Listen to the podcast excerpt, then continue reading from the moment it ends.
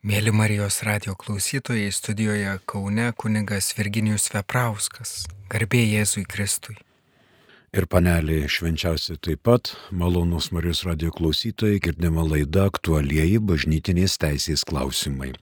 Todėl eikime prie savo tiesioginės laidos 1265 kanonas. Du paragrafai. Pirmasis išsaugant elgetaujančiųjų vienuolių teisę, draudžiama bet kokiam privačiam, tiek fiziniam, tiek juridiniam asmeniui be raštiško savo ordinaro ir vietos ordinaro leidimo rinkti aukas bet kokiai religiniai arba bažnytiniai institucijai ar tikslui. Antrasis paragrafas - vyskupų konferencija gali nustatyti normas aukoms rinkti ir jų privalo laikytis visi, neišskiriant ir tų, kurie pagal įsteigimą vadinami elgetaujančiais. Ir tokie yra. Tai dabar 1265. Pirmoji mintis. Be raštiško vietos vyskupo leidimo negalima rinkti aukų nei privatiems, nei fiziniams, nei juridiniams viešiesiems asmenims. Negalima. Čia neturime omeny parapiją, kadangi parapijos klebonas atstovauja bažnytinę instituciją. Mums į pagalbą ateina 134 kanonas.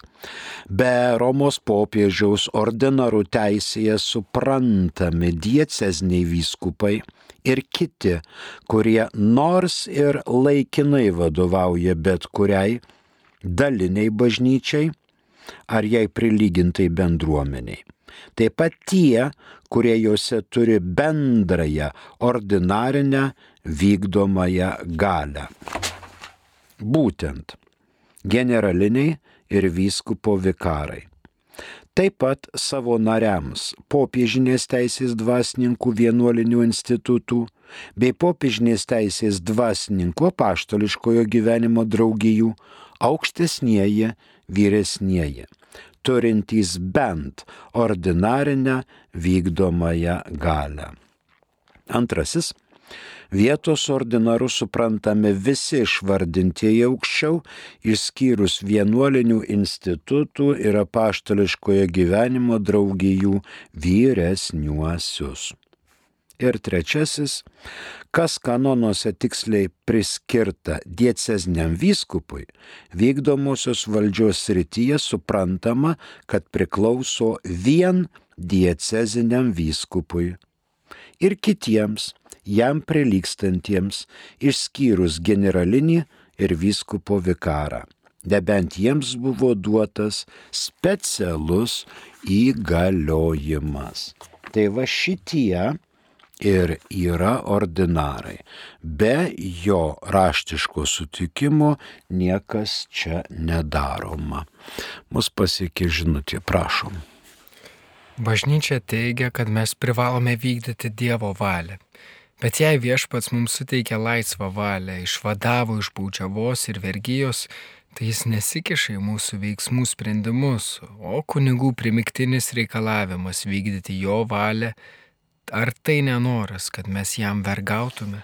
Ne, čia nenoras, kad mes jam vergautume. E, kaip girdėjote ir šituose skaitiniuose, va, Benediktinės meldėsi, čia Jono 10 skyriaus 10 eilutė, Jėzus sako, aš atėjau, kad žmonės turėtų gyvenimą, kad apščiai jo turėtų. Ne šiek tiek, ne čiut čiut, ne biški, bet kad apščiai turėtų gyvenimo. Jėzus Kristus, kuriuo asmenyje randame visą gyvybę, atėjo tam, kad turėtumėme apščiai gyvenimo. Ir žmogui suteikta laisva valia. O iš baudžiavos vergyjos ar iš kitų vergyjų. E, baudžiavos, baudžiavinė santvarka, žinoma, panaikinta, bet baudžiava lieka iki pat šios dienos. Tai Dievas nesikiša į mūsų veiksmų sprendimus. Nesikiša.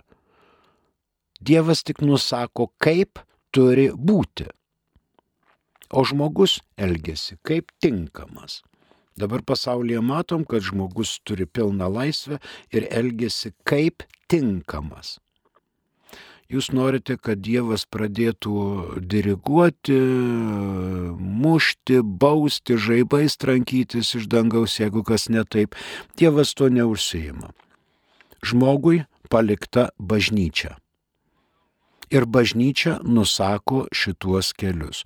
Nes faktiškai bažnyčia nėra, kad labai daug kuo skirtusi nuo Dievo. Jėzus Kristus įsteigė bažnyčią. Būtent tokią, kokia ji dabar čia ir yra. Ir Dievas, kaip minėta, nesukūrė atsarginės bažnyčios, kad galėtumėme iš kažkur nueiti į kažką. Tikrai nesukūrė sukūrė būtent šitą bažnyčią, kurios pakrikštytieji nariai esame. Kiti, aišku, nepriima krikščionybės. Kiti, turėdami laisvą valią, užsieima kitom religijom. Jiems taip yra priimtiniau. O kunigų nėra primiktinis reikalavimas.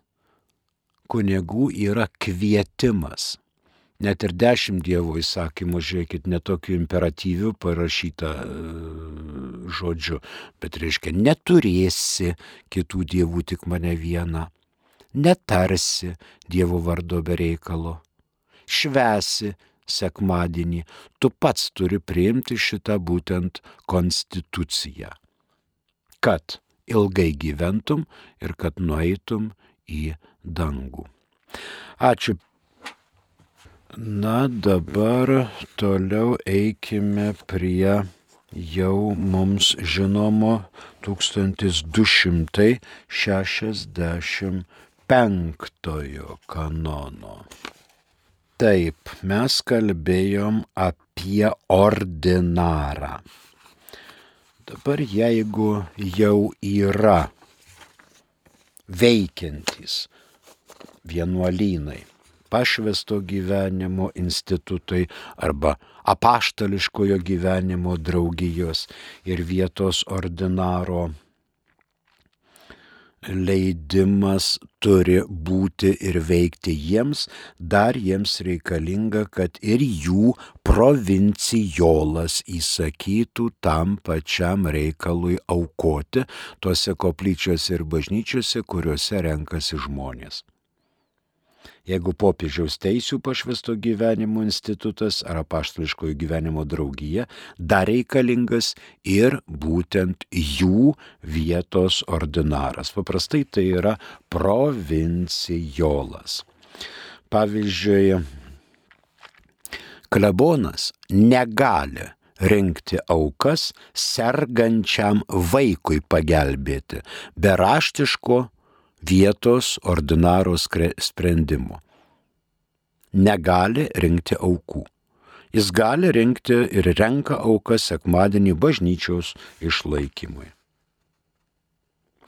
Nors vietos klebonui aukoms rinkti nereikalingas specialus vietos ordinaro leidimas. Jis ir taip tą daro ir renka aukas. Dabar kita mintis prie 1265. Vyskupų konferencijos nuorodos. Rinkti aukas laikosi ir elgetaujantis vienuoliai. Kokie pas mus yra elgetaujantis vienuolynai? Domininkonai, pranciškonai, kapucinai, augustinijonai ir karmelitai. Jie vadinami elgetaujantis, kadangi iš uh, aukų išgyvena. Jei jie nori rinkti aukas, irgi gauna savo vietos ordinaro leidimą jeigu jie turi vienuolynus keliose vyskupijose, iš tų kelių vyskupijų vietos ordinarų, iš visų vietos ordinarų privalo gauti leidimą renkti lėšas. Dabar aukų, trečia mintis, aukų rinkimo vieta. Tai yra sakralinė vieta - bažnyčia, koplyčia, šventorius, kapinės. Civilinėse vietose galima rinkti aukas tik su civilinės valdžios leidimu. Mums į pagalbą gali ateinti 600 kanonas.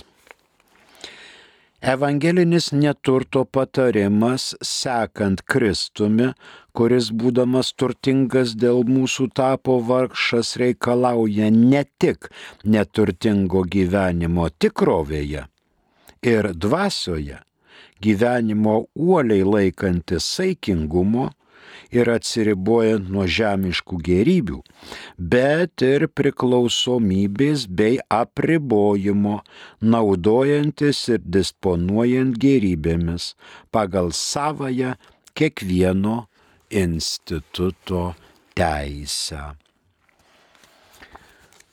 Dabar kaip minėjau, civilinėse vietose galima tik su civilinės valdžios leidimu. Tarkim, vienuoliai nori rinkti labai geram, kilniam tikslui aukas. Gauna iš vyskupo raštą. Ten parašyta, visoje vyskupijoje galite rinkti. Nu tai įsivaizduokit, košia parapijas vienuoliai, nueina į Nidą, į moterų pležą ir visur abituoti renka, nes vyskupas jiems leido. Tai vėlgi reikia žiūrėti, ką vyskupas nurodė savo rašte, kokiam terminui, kokiam tikslui ir panašiai.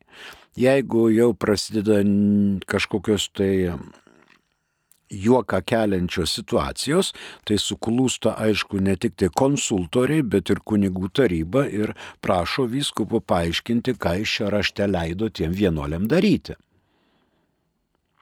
Nes sėdi klebonas parapijoje, o čia vienuolė aplinkui sukasi, mes renkam aukas tam ir tam tikslui, nes viskupas mums leido. Tai tokių kuriozų kartais gali būti, bet to neturėtų būti o civilinėse vietose viešai galima tik tai suderinus su seniūnyje, su administratoriumi rajono ir panašiai ir panašiai, kad nesigautų kažkokių kuriozų ir cirkų. 1917 m. kanonų kodekse šitą mintį reglamentavo 621 ir sekantys kanonai. Rytų kanonuose atitikmuo yra 1000 15, 1265 pabaigėme, tuo fiksuosime, bet reikia dar perskaityti žinutę. Prašom. Mums parašė Danielius. Sveiki, kaip sužinoti, ar man reikia egzorcizmo? Jaučiuosi labai blogai ir noriu nusižudyti, nepadeda nei vaistai, nei būti ligoninėje. Ar tai gali būti susijęs su tuo, kad anksčiau praktikavau okultizmą ir juodąją magiją? Ačiū Danieliau. Būti gali visko. Dabar jaučiuosi labai blogai. Na, yra žmonių, kurie jaučiasi labai gerai ir yra, kurie labai blogai. Dalis iš jų nori nusižudyti. Tikrai neverta, nes žmogus nėra pats savo gyvybės davėjas. medikai kažką turi pasakyti, ar tai stacionaras, ar tai vaistai, Bet jeigu nepadeda ilgą laiką šitie dalykai, gali būti, kad ir apsėdimo atvejai. Kreipėtės į savo parapijos kleboną, kuris patars, o dar geriau reikėtų šiek tiek pasimelsti, rožančių vieną kitą dalį sukalbėti, kokią savaitę kitą kasdien ir, žinoma, pasiruošus nueiti iš pažinties ir įvardinti, kad iškeičiau tikėjimą, praktikavau okultizmą ir aišku juodąją magiją. Įvardinti šitas nuodėmės šalia visų kitų, apgailėti ir gauti sakramentinį išrišimą tai turėtų tikrai pagelbėti. Ir aišku, galime kreiptis į kunigą egzorcistą, kuris melsis už jūs, Danieliau. Tai yra mūsų laikų dalykai, į kuriuos numoti ranka tikrai neverta. Ačiū už klausimą. Dabar dar kitas. Garbėzui Kristui. Ar gali šiokiadieniais būti neaukojamos šventosios mišios, jei jos neužsakytos ar nėra laidotuvių? Dabar kur?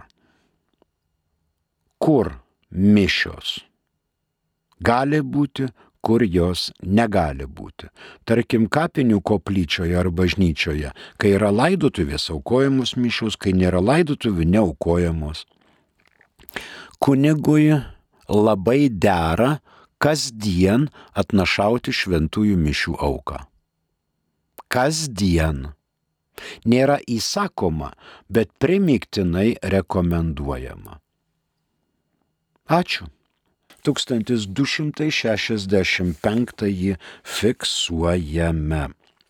Išsaugant elgetaujančiųjų vienuolių teisę, draudžiama bet kokiam privačiam tiek fiziniam, tiek juridiniam asmeniui be raštiško savo ordinaro ir vietos ordinaro leidimo rinkti aukas bet kokiai religiniai arba bažnytiniai institucijai ar tikslui. Antrasis, viskupų konferencija gali nustatyti normas aukoms rinkti ir jų privalo laikytis visi neišskiriant ir tų, kurie pagal įsteigimą vadinami elgetaujančiais ir tokie yra. Dabar šėlės 1266. Visose bažnyčiose ir oratoriumuose taip pat priklausančiuose vienuoliniams institutams faktiškai nuolat atviruose Kristaus tikintiesiems, vietos ordinaras gali įsakyti rinkti specialias konkretiems parapijos vyskupijos, nacionaliniams ar visuotiniams poreikiams skirtas rinkliavas, kurios vėliau rūpestingai turi būti perduotos vyskupijos kūrijai. Taigi gali įsakyti. 1917 m. kanonų teisės kodekse šitos minties nebuvo. Dabar 83 m. kanonų teisės kodekse suteikiama vietos ordinarui teisė. Suteikiama teisė, bet nėra pareigos. Mums gali ateiti į pagalbą 1214 kanonas. 1214 kanonas. Bažnyčia vadinamas šventas pastatas, skirtas dieviškajam kultui į kurį tikintieji turi teisę ateiti visų pirma viešai praktikuoti dieviškąjį kultą. Kitas 1223. Oratorijumu vadinama vieta, čia apie koplyčią, arba vieta dieviškajam kultui, ordinaro leidimu paskirta kokios nors bendruomenės ar ten susirenkančiųjų tikinčiųjų grupės geroviai, į kurią kompetentingam vyresniajam sutikus gali ateiti taip pat ir kiti tikintieji. Pavyzdžiui, vienuolyno koplyčia. Pusiau vieša, kur renkasi ne tik vienuoliai, bet ir tikintieji. Tai pirma mintis. Na, pasižiūrėkim dar į 608 kanoną. Vienuolinė bendruomenė privalo gyventi teisėtai įsteigtuose namuose, vadovaujant pagal teisės normas paskirtam vyresniajam. Atskiri namai privalo turėti bent oratoriumą, kuriame celebruojama ir saugoma Euharistija, kad tikrai būtų bendruomenės centras. Taigi, bendruomenės centras. Ne kokia nors vienuolė, kur nors susimanė viena gyventi, bet tai yra teisėtai įrengti namai su galimybę adoruoti Eucharistiją. Dar ko gero 611 diecezinio vyskupo sutikimas įsteigti bet kokio instituto vienuolinius namus suteikia teisę. Šalia viso kito, trečias numerėlis, dvasininkų institutams turėti bažnyčią liekant galioti 1215 nuostatai ir vykdyti šventąją tarnystę laikantis teisės nustatytų reikalavimų. Taigi, po vyskupo valdžia. Antroji mintis. Vyskupo tai ne prašymas aukoti o įsakymas. Gali įsakyti rinkliavas vietos ordinaras. E, dabar vietos ordinaras savo vyskupijai. O vyskupų konferencija gali įsakyti tam regionui arba kraštui pagal kompetenciją. Vietos vyskupas gali prašy įsakyti rinkti lėšas parapijai, vyskupijai arba vyskupijos reikmėms netidėliotinams ir taip taip mm, toliau. Negali būti vyskupo noras rinkti lėšas bendrai. Šiaip trūksta lėšų, įsakau rinkti tai turi viskupas dekreto būdu parašyti, kuriam tikslui renkamos lėšos, kaip ilgai jos turi būti renkamos, kiek tikimasi surinkti ir kada bus amen bupt. Pavyzdžiui, gali viskupas įsakyti labai reikalingą bažnyčią. Bažnyčios statybai renkamos lėšos. Labai prašom. Trečioji mintis.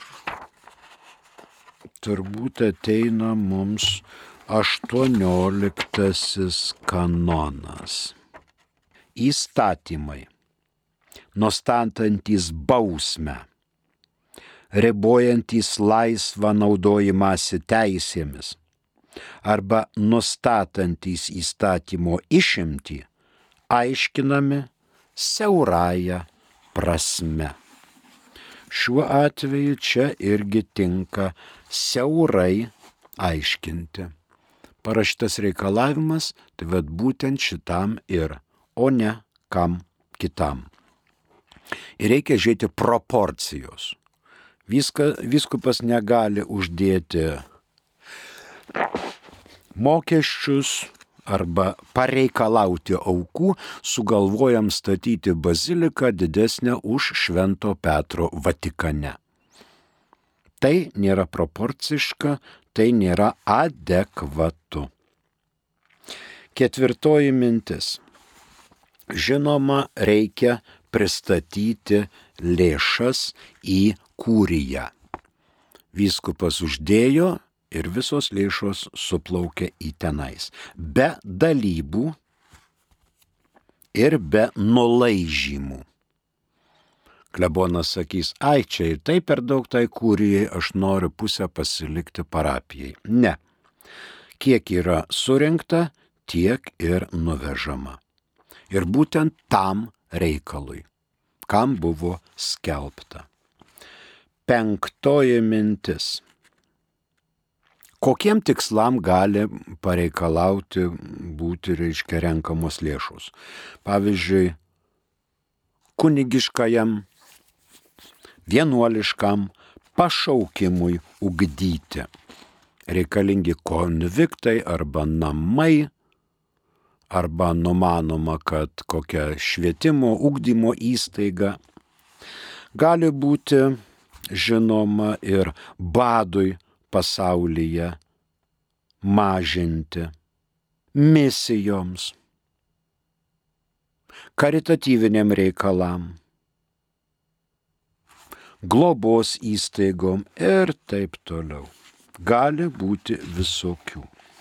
Dabar mums į pagalbą ateina dar 791 kanonas.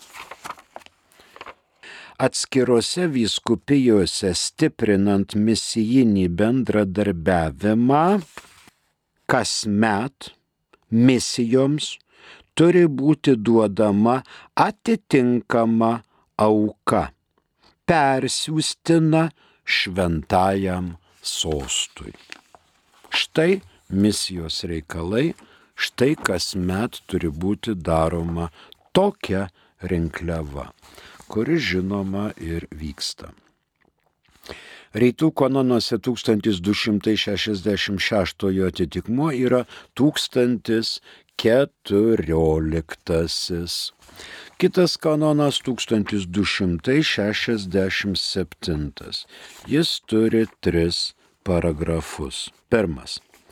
Bet kokio bažnytinio, juridinio asmens, taip pat ir privataus vyresniesiems arba administratoriams perduotos aukos laikomos paukotomis pačiam juridiniam asmeniui, jei nėra žinoma priešingai. Antrasis. Aukų, apie kurias kalbame aukščiau paragrafe, negalima atsisakyti nebent būtų pateisinama priežastis. Ir jei kalbama apie viešuosius juridinius asmenis, svarbesniais atvejais su ordinaro leidimu. To paties ordinaro leidimas reikalingas prieimant su konkrečiomis prievolėmis ar sąlygomis susijusias aukas, liekant galioti 1295 nuostatai. Ir trečiasis paragrafas tikinčiųjų konkrečiam tikslui skirtos aukos negali būti panaudojamos kitaip, kaip tik tam tikslui. Čia yra kanonas dėl principų. Su kokiais principais dera būti susipažinus, priimant aukas. Pirma mintis renkamos lėšos tam, kad kam paskelbta. Renka, aišku, atitinkamas vyresnysis lėšas. O kaip yra su ten visokiais pavaduotojais? Pavaduotojai tam yra įpareigoti perduoti vadovui lėšas, kad nebūtų kažkokio išvaistimo. Mums į pagalbą ateina 531 kanonas. net jei ir kitas atliktų kokią nors funkci parapinę funkciją, ta proga iš tikinčiųjų gautos aukos turi būti įnešamos į parapijos kasą. Nebent, kalbant apie savanoriškas aukas, būtų aiški kitokia aukojančiojo valia. Dieceziniam vyskupui priklauso išklausius kunigų tarybos nustatyti taisyklės, kurios numatytų tokių aukų paskirimą ir dvasininkų atliekančių tą funkciją atlyginimą. Tai žodžiu, jeigu vikaras renka, vikaro pareiga yra įnešti į kasą ir paduoti klebonui ataskaitą. Vikaras negali sakyti, čia man davė ir aš šituome naudojuosi.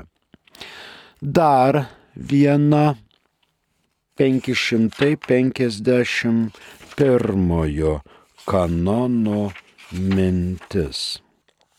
Dėl aukų, kurias Kristaus tikintieji duoda vikarui, atlikusiam pastoracinę tarnybą, turi būti laikomasi, kaip girdėjote, 531 kanono nuostatų.